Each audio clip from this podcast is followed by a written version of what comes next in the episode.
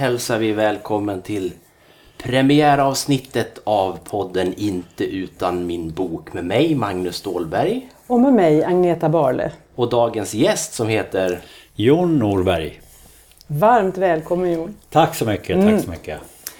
Härligt ställe ni håller till för att spela in den här tycker jag. Eller hur? Ja. Vi har jobbat på det kan jag säga. I, to I tornet på den gamla brandstationen i Falun. Precis, en hund, det är ett torn som är 105 år.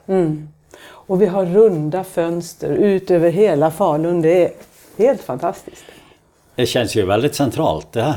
Ja men eller hur, och idag skiner solen åt ena hållet och åt andra hållet i Grycksbo. Där snöar det. Ser man ända till Grycksbo? Vi tror att det är Grycksbo vi ser där. Hoppbackarna har lite mulet ser jag. Mm. Så så är det. Och att du Jon är vår första gäst, det hänger helt och hållet samman med att det... Vi har sagt i presentationen att det var mitt fel att vi började med den här podden. Men egentligen är det ditt fel Jon. Hur då? då? Jo, därför att för fem år sedan så ringde du på min telefon när du då jobbade som eh, programledare på P4 Dalarna med Förmiddag, programmet Förmiddag. Och ringde till mig och frågade om jag läste böcker. Och då tänkte jag så här att svarar jag nej, då lägger vi på. Svarar jag ja kommer det säkert att hända något spännande. Och det gjorde det? Och det gjorde det. Eh, Så eh, sen blev det bokprat i förmiddag i fem år. Det här var 2012, nu är det 2017. Och Agneta hoppade in i det här bokpratartåget för, tror vi, 2013 tror jag. Eller 2014. Jag tror jag var med i ungefär tre år. Ja, men det var nog 13 i så fall. Ja, okej. Mm. Och anledningen, det var väl att eh, jag insåg eh, genom undersökningar som Sveriges Radio hade gjort att eh, det finns bland våra lyssnare ett jättestort intresse för just eh, böcker och läsning. S- Och det hade vi ingenting så att det kändes som det var hög tid att dra igång någonting sånt. Och då blev det pocketböcker. Eh, Därför att det är ju lättillgängligt, det är billigt, enkelt. Och det, var ju en, det visade sig vara en väldigt bra idé. För det var ju väldigt roligt. Och, och vi hade ju väldigt roligt de här åren. Och sen kände vi att kan vi ha ännu roligare? Och då tänkte vi att det kan vi om vi får vara programledare. Och nu få byter vi mera tid. Vi Ja. får mera tid. Och det har vi ju fått nu. Och jag har fortsatt att läsa av bara farten. Ja. Eller det gör vi ju ändå liksom. Precis. Eh, och nu har vi ju egentligen missat det här då att, att ja, presentera dig Jon. Men, men du är mest känd för din röst. Ja, eftersom jag jobbade på radion då i ungefär 33 år så Då är det har den väl planterats i Dalarna. Ja, precis. Absolut. Men sen också är du lite gäst eftersom det här är vårt premiäravsnitt. Så tyckte vi att vi... Du är inte bara rutinerad radioräv, du är ju poddräv också. Mm, du har ju blivit det. Ja. Ja, direkt när jag slutade på P4 Dalarna så startade jag ju min egen podd då som heter Dalfolk helt enkelt. Och den har jag gjort ända sedan dess. Så jag har ju gjort snart en 120 avsnitt. Wow. Med människor som jag tycker är spännande att eh, intervjua. Från Dalarna helt enkelt. Och du väljer?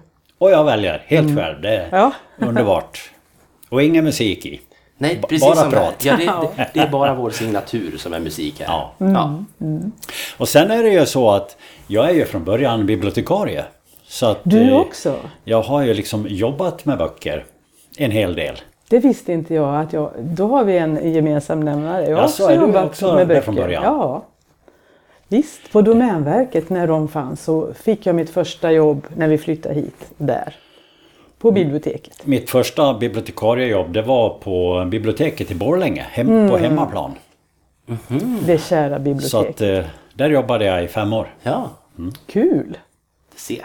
Det är bra att bjuda hit gäster, då får vi veta så mycket. För jag menar en av frågorna, de första frågorna vi ville ställa var just vad är ditt förhållande till böcker?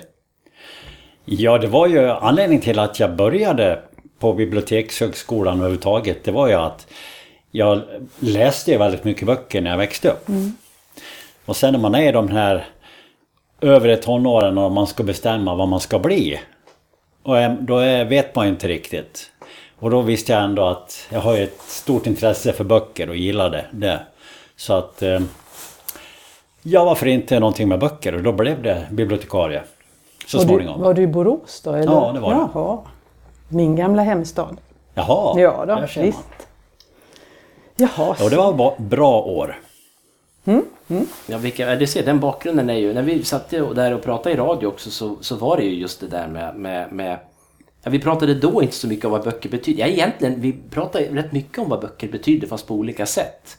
Eh, och du Agneta har en bra fråga kring det här med när, när böcker börjar betyda något. Jo, men det är lite grann det här när jag tänker på hur jag själv kom in och blev en bokälskare och lusläsare. Men när började du läsa av egen kraft, Jon? För att, jag menar, i skolan var det ju sådär, gå hem och läs ett kapitel ur eh, Röd orm och så. Och det var inte alltid så kul.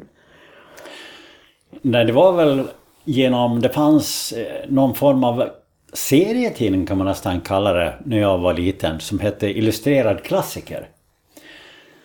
Eh, Där man alltså hade förenklat eh, riktiga klassiker och gjort eh, serietidningar. Och det här eh, läste jag väldigt mycket. Och sen var det ju nära till hands då att man ville kolla hur, hur var det egentligen? Mm. Där började väl mitt intresse. Okej. Men sen hemma i mitt hem, där hade vi knappt några böcker. Det var sån här, någon eh, diktsamling som de hade vunnit på något lotteri genom ABF. Det var liksom den enda. Och sen hade vi ett uppslagsverk då, för det skulle man ju ha. Med en uggla på eller? Kunskapens bok var det. Okej. Ja. Så att, eh, och de älskade jag att sitta och läsa i. De jag känner igen det. Jag minns, jag vågade aldrig läsa i bokstaven B för där fanns Basedowska sjukan. Och det var så äckliga bilder. Den, den Ja. sjukan finns inte kvar längre. Jag va? tror inte det. Den har jag aldrig hört talas om. Har, har du varit med i någon bok? Jag har skrivit en bok. Du har skrivit en bok? Ja.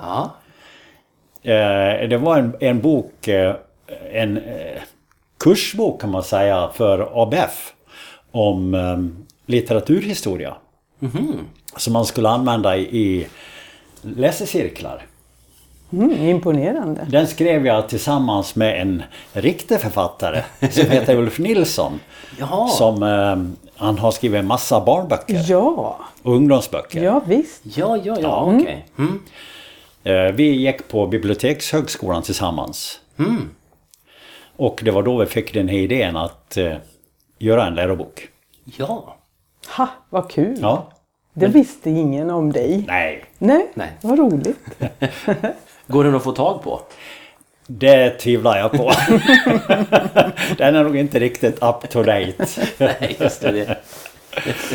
Du, om du fick välja en bok som du skulle vilja vara med i, vad skulle det vara för en bok? Jag skulle gärna vara med i någon deckare. Och vad? Som skurk. Att, inte som offer, utan som... Skurk. Nej, en skurk som överlever. Ja. Och den där som man sitter och ogillar, eller hatkärlek Ja, till. Lite så här. ja. Det, Kanske i någon av Leif GW Perssons böcker. det är väldigt spännande att tänka sig dig som en sån. Ja. En väldigt bra. Man skulle aldrig tro, man skulle aldrig gissa att det var skurken först. Nej, det är väl många som tycker att jag ser väldigt, eh, verkar väldigt snäll och eh, blid sådär så att det vore roligt Ja. att åtminstone i fiktionens värld få vara lite annorlunda. Ja, precis. Om, när, när läser du böcker? I, i vilket tillfälle? I vilket tillstånd Ja, ja, jag skulle säga. Är du vaken eller sover du? Eh, ja, det... Oftast så blir det ju då på kvällen när man ska sova. För att liksom bli lite trött.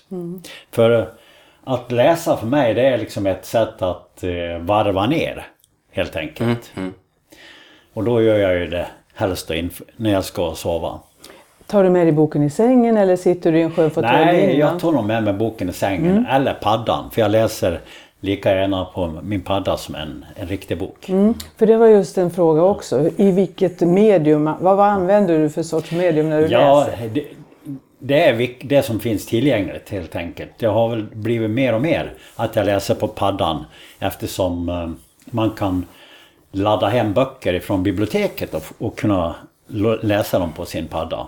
Det är ju väldigt behändigt. Ja, det gör jag också. Jag tycker det är helt eh, fantastiskt bra Ja. alltså. Just att, att snabbt till och med. Man kommer på jag skulle vilja läsa den boken och plötsligt har man den i, Ja. i sin hand. Ja, visst. En väldigt bra tjänst. faktiskt. Och för den som inte vet hur det här funkar, hur gör man då? då? Går man till biblioteket och ber att få hjälp eller hur gör man? Ja, jag bara googlar in på biblioteket Falun och Ja. sen kan man då klicka sig fram till att ladda ner en e-bok. Så behöver man ju ett lånekort förstås. Ja, just det. Och en liten, Ja. ett lösenord och så. Ja. Och det här är ju en riks, rikstäckande funktion. Jag tror nästan alla bibliotek, länsbibliotek Ja. har den här funktionen. Visst. Så att eh, det går ju var man än bor. Till och med när man är utomlands kan man låna en bok i, i Falun eller någon annanstans. Annars så gillar jag väl också att lyssna på böcker. Även om jag tycker att det, det tar nästan lite för lång tid kan jag känna. Det, eh, jag är, är, läser liksom fortare själv än när de läser upp då en bok sådär. Så att det kan vara roligt att lyssna på en bok när man är ute och åker bil långt. Ja, För då är det det. väldigt eh, rofyllt att lyssna Du, på. du kan koncentrera dig när du kör då. Ja, Mm.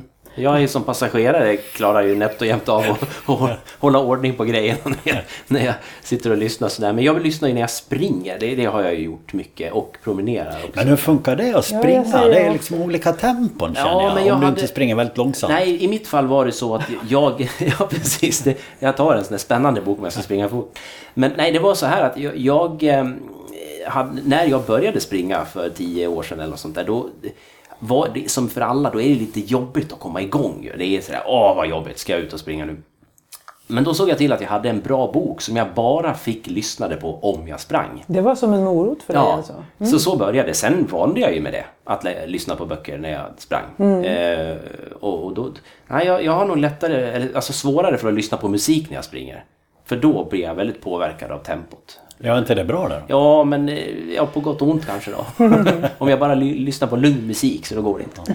Nej, men- men- Orkar du liksom mer om du lyssnar på en bok samtidigt som du Ja, springer? eh, prob- ett problem är ju att, att när man börjar bli riktigt trött då hänger man inte med i handlingen längre. Så Nej, många gånger fick jag ju faktiskt börja lyssna en bit innan det hade slutat senast för att jag märkte att sista tio minuterna på det passet var för jobbiga. Ja. Men jag tycker, det tycker jag har funkat bra. För mig tycker jag bö- böcker och lyssning när man springer är bättre än musik när jag springer. Jag får En plats- testa det. Ja. En plats som jag tycker är jättebra det är när jag åker tåg. Att verkligen stänga in sig, antingen att läsa men, eller lyssna. Jag tycker det är ett suveränt sätt att resa på. Det kan jag tänka mig. Det är, Och slippa höra alla som sitter och pratar i mobiltelefon. ja, Ja, man får se till att man har en bra bok igång i mobiltelefonen så ingen kan ringa en helt enkelt. Ja, just det. Det är rätt så... Rätt. Har, du någon, har du någon favoritläsplats riktigt sådär? Ja, jag har en egen fåtölj eh, hemma. vad är det för färg på den? Eh, det är en sån här le- man kan gunga lite i. Ehm, som jag, jag vet inte vad den heter men det är en sån här billig IKEA-fåtölj men ändå som Ja. är jätteskön. Och m- som är mjuk. Och sen har jag, är det en fotpall då, så man kan lägga upp fötterna. Så man sitter riktigt bra. Men det är där du hamnar i princip jämt när du ska läsa eller? Ja. Ja, ja det är intressant. Jag har försökt det där några gånger men det, jag märker att, att de gånger jag liksom har inrett en plats så hamnar jag... Jag börjar alltid läsa någon annanstans. Jag hinner liksom inte till den där platsen. Då, utan antingen ligger jag vid sängen eller sitter man i soffan eller vid köksbordet eller något sånt där. Jag, jag har alltid tänkt att det vore hemskt skönt med sånt där. Jag får prova, är det Ikea som gäller kanske? Ja, varför inte? Och sen ska man ha ett lågt bord bredvid med en kopp kaffe eller någonting till då. Det kan vara det. som att jag har missat det där med bordet. Ja, Ja, Ja. Man måste göra det mysigt. och sen när det gäller om man tar med sig boken i sängen, vilket jag alltid gör, det gäller ju inte att ha för tjock bok för då blir det jobbigt. Ja, sen har jag en tendens att armarna domnar efter en stund och så blir man iskall om händerna. Man ligger med händerna uppåt i sängen. Ja. Så att det är lite jobbigt. Därför är det bättre att sitta egentligen och läsa. Du, men, då, men då läser du padda. Du känner inte av det här begreppet paddnacke? Är det något du har drabbats av? Nej, Nej. För jag har förbluffats över att det har ju tagits fram som ett, ett problem med läsplattor. Men man har aldrig pratat om att det finns alltså en boknacke. Det har aldrig varit. Det har ju varit fint att läsa böcker jämt. Men när man började läsa på padda, då fick plötsligt folk paddnacke. Som Ja, att det ja. var mycket sämre Men nog var det inte, det var väl inte bara fint att läsa böcker för, för länge sedan heller. Då var man ju liksom, då man blev förläst bland annat vet jag. att Ja. Man fick veta. Fick lov att ha glasögon. Ja, Ja. exakt. Men nu vet vi ju lite bättre. Har du någon... Eh, Nu kommer vi till huvudfrågan nästan. ja? Vadå? ta huvudfrågan. Jo men det här med vilken är din favoritbok? Alla kategorier. Har du någon sån? Jag tänk, när jag tänker på det så tänker jag, hur kan man ha en favoritbok? Eh, för man läser hela tiden nya böcker, tänker jag. Men om jag tolkar som att någon, någon bok som har betytt väldigt mycket för mig. Då får jag nog gå ganska långt eh, bakåt i tiden till när jag gjorde lumpen. Jag var väl... Hur gammal var man då? 19 kanske? 19, ja. Eh, Då kom jag i kontakt med eh, Väinö Linna, en finländsk författare. Som skrev Okänd soldat. Som handlade om eh, vad heter det? Fortsättningskriget kallades det i. Finland. Ja, just det. Just det. Eh, och eh, han var ju med då som soldat och var ganska illa ute. Men han skildrade liksom kriget från soldatens synvinkel på ett otroligt bra sätt. Så att det var liksom inkörsporten till Väinö Linna. Sen skrev han en, en trilogi som jag också blev väldigt gripen av. Ehm, och de hette Högt bland Sarajärvis moar. Del två hette Upp trälar och sen den tredje Söner av ett folk. Och de där betydde väldigt mycket för mig för att det var nog tack vare det som jag tog det här steget att sen eh, söka mig till eh, biblioteksyrket. För Intressant. jag kunde liksom känna hur mycket litteratur kan betyda för en människa. Det är intressant. Ja. Just nu i dagarna pratar man ju om att inrätta en utbildning i biblioterapi. Jaha, på Att- riktigt? Ja, på riktigt. Inte bara som eh, en- någonting i Babel utan verkligen en kurs i, i att förmedla lämpliga böcker till Ja. människor i olika sammanhang. Ja. Det är läckert alltså. Jag tycker det. Och den här trilogin som Väinö Linna hade skrivit, den skildrade liksom såna här torpare, småbrukare eh, första hälften av 1900-talet i Finland. Deras eh, slit och umbäranden. Och jag förstår liksom inte riktigt varför jag blev så gripen av det egentligen. Det var ju liksom ingenting som jag direkt kunde identifiera mig med. Men ändå så grep det tag i mig så ja, starkt. Hans sätt att skriva Ja. säkert också. Och sen i och med att du själv låg i lumpen, det var ju en, du kunde du liksom relatera lite till Till det också? soldat. Ja, ja, kanske det. Men vi säger nu favoritbok är, ja, det, det, är, det är sant det där att en favoritbok är ju om man kan ha det. Men, men favoritförfattare, landar du på Linna då också? Eller har du någon... Ja, det, jag har ingen författare som jag direkt återvänder till sådär därför att åh, han eller hon skriver jättebra. För att jag vill liksom hitta nya författare hela tiden. Det finns ju gott om dem. Eh, Även om eh, när jag får den frågan så kan jag tänka på Åsa Larsson eh, som skriver deckare. Hon, är ju från Kiruna tror jag. ja, någonting sånt är det ja. Mm. När hon kommer med någonting nytt så är jag nog nyfiken på det ändå. För jag tycker hon är en alldeles strålande skribent och stilist. Nu var det några år sedan hon skrev en bok men... Jag vet inte vad hon gör just nu. Nej men Hon fil, filar säkert på någon, någon ny. Ja, Ja, men det är intressant det där just med, med alltså man, det där med att hitta någon ändå som skriver på ett sätt som, är, som man känner att när boken är slut så vill man läsa en bok till av författaren. Inte nödvändigtvis om den karaktär som den har berättat om utan att det är en, man, man gillar personens sätt att skriva. Det är lite speciellt när någon träffar en så. Jag läste alldeles nyss färdigt en bok av Stephen King. Jag har aldrig läst någonting av Stephen King tidigare. Och det, han är ju hyllad, hyllad i hela världen som en Ja. fantastisk eh, författare. Men jag har alltid haft svårt för det här eh, inslag av övernaturligt som eh, har funnits i många av hans böcker. Men då hittade jag den här som var hans första som är liksom lite mer klassisk thriller.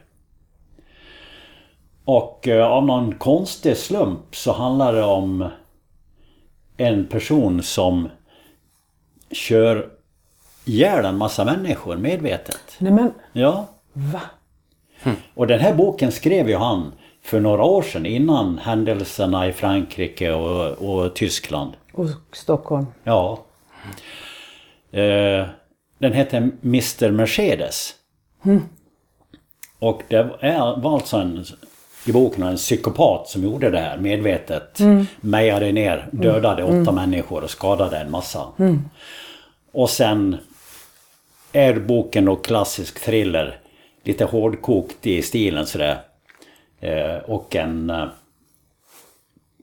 pensionerad kommissarie tar tag i fallet. För han hade jobbat med det tidigare men inte lyckats lösa det. Men sen han blir pensionär så återvänder han till fallet och får dessutom ett brev från den här eh, psykopaten. Eh, som utmanar honom. Och sen utvecklar det sig till en klassiskt eh, spännande thriller som Stephen King ju är mästare på att skriva har jag förstått. Och där har du inget övernaturligt utan det är någonting och det kändes alldeles... skönt för mig. Ja, intressant. Ja, så Mr Mercedes kan jag tipsa om. Det blir det första gästens tips som vi har i den här serien. Trevligt. Vad spännande. Jag, det var intressant, för jag har precis samma känsla kring Stephen King och det här med övernaturligt. Det är motståndet. Jag har ju sett filmer, som filmatiseringar av, av hans böcker. Och det, det är ju bra, men så kommer den där övernaturliga delen in och det är alltid då jag börjar skruva på mig. Liksom. Det är inte riktigt min grej, men det där lät ju spännande. Samtidigt på paddan så läste jag en annan bok, eh, mer av jobbskäl. Därför att jag gjorde en intervju med en, eh, för min podd med en kille som heter David Jonstad.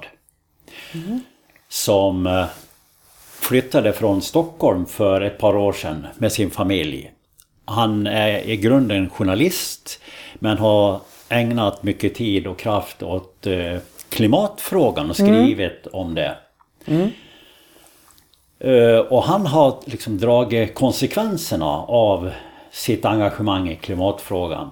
Och flyttade från Stockholm till Stora Skedve, Arkhyttan. Och köpte en liten gård där. Där han nu lever sedan ett par år med sin familj och har lite småbruk. Okej. Och eh, försöker starta sitt liv där då och bli mindre påfrestande för För miljön. för miljön och i slutändan klimatet. Och han har då skrivit en bok.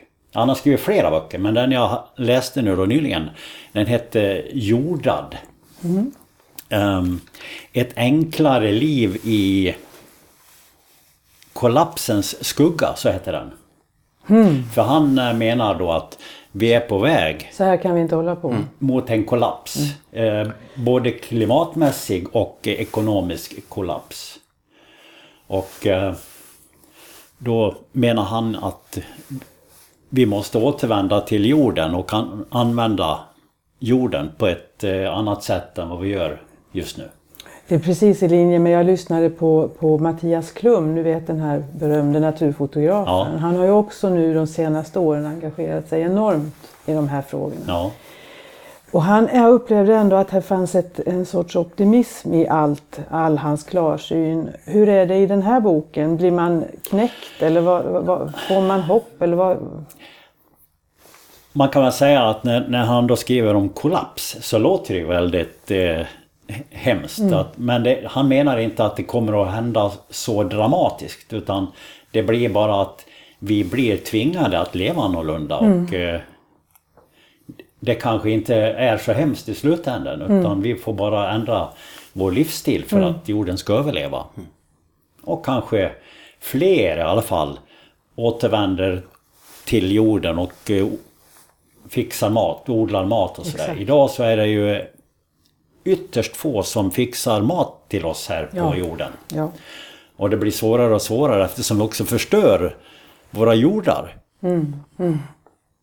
Och där vi vi är- odlar. Och vi är så enormt många idag. Ja. Är det sju miljarder eller hur är det? Det är något sånt. Ja, det är nog något sånt. Jag har inte räknat på Nej. Det det. går så, det, det, precis, det var länge sedan. Vi kanske ska uppmana till en, Ja. en ny räkning. Eh, vi börjar ju närma oss, inte slutet på, på den här podden, men, men vi har en fråga till och det är... Eh, Vem tycker du att vi ska bjuda in till vårt torn här i Gamla brandstation? Ja, eh, jag tycker att ni ska bjuda in eh, Johan Thorén, en Ja, kollega till mig. Det är ju Bra. jätteroligt. Ja. Johan gjorde något bokprat eh, där. Han Ja. gjorde ju några förmiddagar med mig också, just det. För att jag är lite nyfiken på om och i så fall vad han läser. Det vet inte jag. Så Nej, men det, det skulle blir vara jättekul. himla kul om ni kunde fråga honom Ja, om då det. ska vi ta reda på det helt det tar vi med oss, Ja. absolut. Vad kul. Vi ska gå vidare lite grann med, med att prata om eh, en, en ny bok. Ja, men då kommer jag in lite här från sidan. Jag fortsätter ju att läsa envist och oftast, det har blivit så att jag väljer oftast pocketböcker. Tack vare det här bokpratet i radion också. Men, och då har jag en liten sån här perfekt bok kopplad till läsning och tåg. Och den heter Mannen som läste högt på 6 och 27-tåget. Det är lite som han som kliver ut genom fönstret, jag vet. Jag älskar den titeln. Jag vet Ja. att du tog upp den där som att du skulle läsa den när vi Ja. gjorde ett, ett eh, radioprat där. Och, och sen dess har jag undrat hur det var. Det är bara ett litet bekymmer och det är hans efternamn. Nu är det en fransk författare. Han heter Jean-Paul Didier, Did- Didier Laurent. Didier Laurent säger vi. Okej, det Ja. duger. Och det är en ganska kort bok, den är på 200 sidor. Och den eh, handlar om en man en trett- i 35-årsåldern som jobbar i en stor papperskross på en återvinningsstation för makulerade böcker. En alldeles gräslig plats för oss bokläsare. Och varför det är så, det vet jag inte. Men det är klart att det så måste det ju vara. Och där går han dagarna i ända och ibland lyckas han rädda undan sidor ur böcker från den här maskinen. Och de sidorna läser han högt ur på tåget varje morgon till sitt jobb. Och det uppskattas av de som sitter där och lyssnar. En dag, han lever ensam tillsammans med sin en guldfisk. Det är det enda. En dag så hittar han ett USB-minne på tåget. Och det USB-minnet innehåller en, eh, liten, en dagbok kan man säga. Från en kvinna som heter Julie. Eller Julie kanske.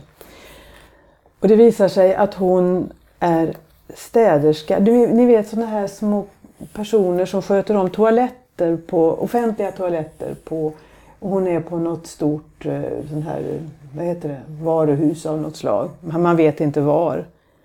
Och han, hennes sätt att skriva och förhålla sig till världen blir han helt betagen i. Och resten av boken handlar om hur han ska få tag på henne.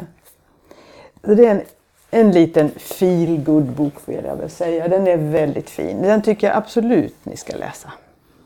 Kan du säga titeln och författarnamnet igen? Okej? eh, Mannen som läste högt på 6 och 27-tåget av Jean-Paul Didier Laurent. Vi lägger ju ut det här på våran eh, webbplats för podden också för säkerhets skull. tack. Så att även jag kan komma ihåg och Ja, hur man stavar till det där långa franska namnet. Nu, nu ska jag då eh, som motvikt till den här nya boken så ska vi varje gång också ta fram en, en äldre bok, en gammal bok, en gammal favorit. Ehm, och då har vi också ett efternamn som, som ibland sägs fel. Och eh, det är Mankel. Alltså inte Mankell som man hör ibland. Säg inte så Nej. Henning Mankel som ju, som ju är mest känd för Wallander. Men som ju definitivt inte bara skrev Wallander. Och som skrev en bok eh, som heter Kinesen. Som jag har läst ganska många Walla- eller, eh, Mankel-böcker och jag tycker att den här kinesen är hans bästa. Det är i alla fall den bästa jag har läst då. För jag, den har, än idag tycker jag att inledningen på den här boken är den, den bästa inledning som har gjorts på en bok. Den är oerhört spännande med en, en varg som närmar sig en, en, eh, ja, ett samhälle helt enkelt. Man, man, man följer vargen i början och då lite där Jon tänkte, då när jag läste minns jag, nej, är det här en bok om övernaturliga djur eller något då? Vilket det ju inte var, men det var en otroligt raffinerat sätt att inleda, låta vargen gå in i berättelsen. Tur att du hängde med då, så Ja. du inte la igen Nej, men, precis, men det blev alldeles för spännande direkt. Så, så, och, och, eh, det, jag är ju aldrig sådär så att jag går igenom för mycket av böcker. Eh, men eh, när jag ska berätta och locka till läsning kring det. Men det här, den här vargen kommer till ett samhälle eh, som heter Hässjövallen. Det är en fiktiv plats någonstans i Jämtland tror jag det är. Men, men Ehm, det är ett samhälle och där har 19 människor dödats väldigt brutalt. Ehm, och alla är till åren komna utom en pojke som är, är 12 år och som har dödats i sömnen där. Då. Men det är ju en, en, ett, ett väldigt grovt brott som har begåtts.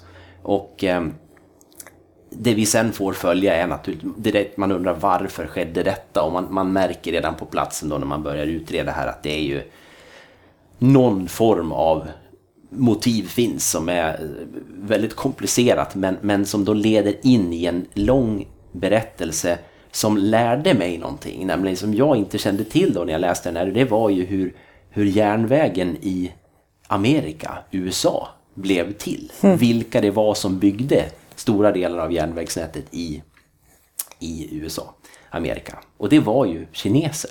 Mm. Och, och den här boken handlar om många kineser, men framförallt då en kines.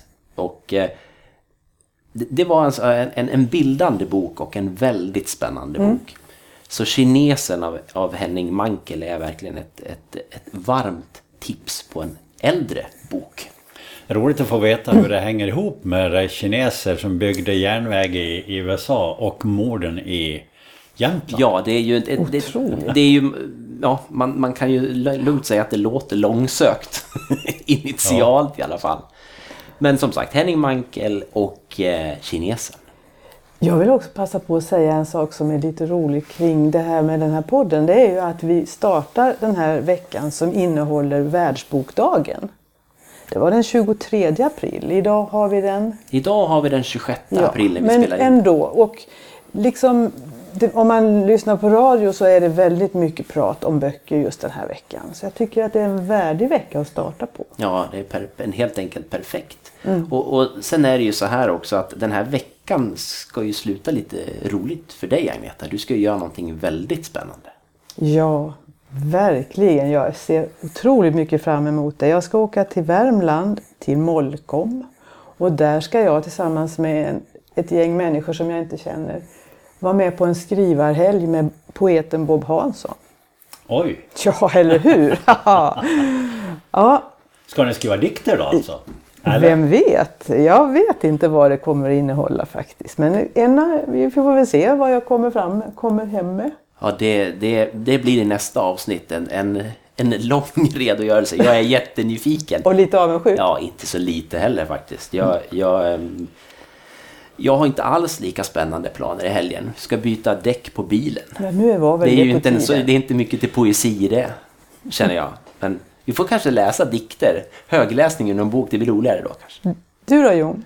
Vad ska du göra i helgen? Ingen aning. Det låter bra. det är långt till helgen känns det som. Ja, ja det, det, är sant. Eh, vi har kommit till slutet av den här inspelningen, det första avsnittet. Mm. Och solen skiner fortfarande. Utom i Grycksbo. Ja, där skottar de snö. Ja. Tack snälla Jon för att du kom. Det var hemskt trevligt att ha dig här. Då får jag önska er en god fortsättning på den här bokpodden. Tack, det tar Tack. vi med oss. Tack.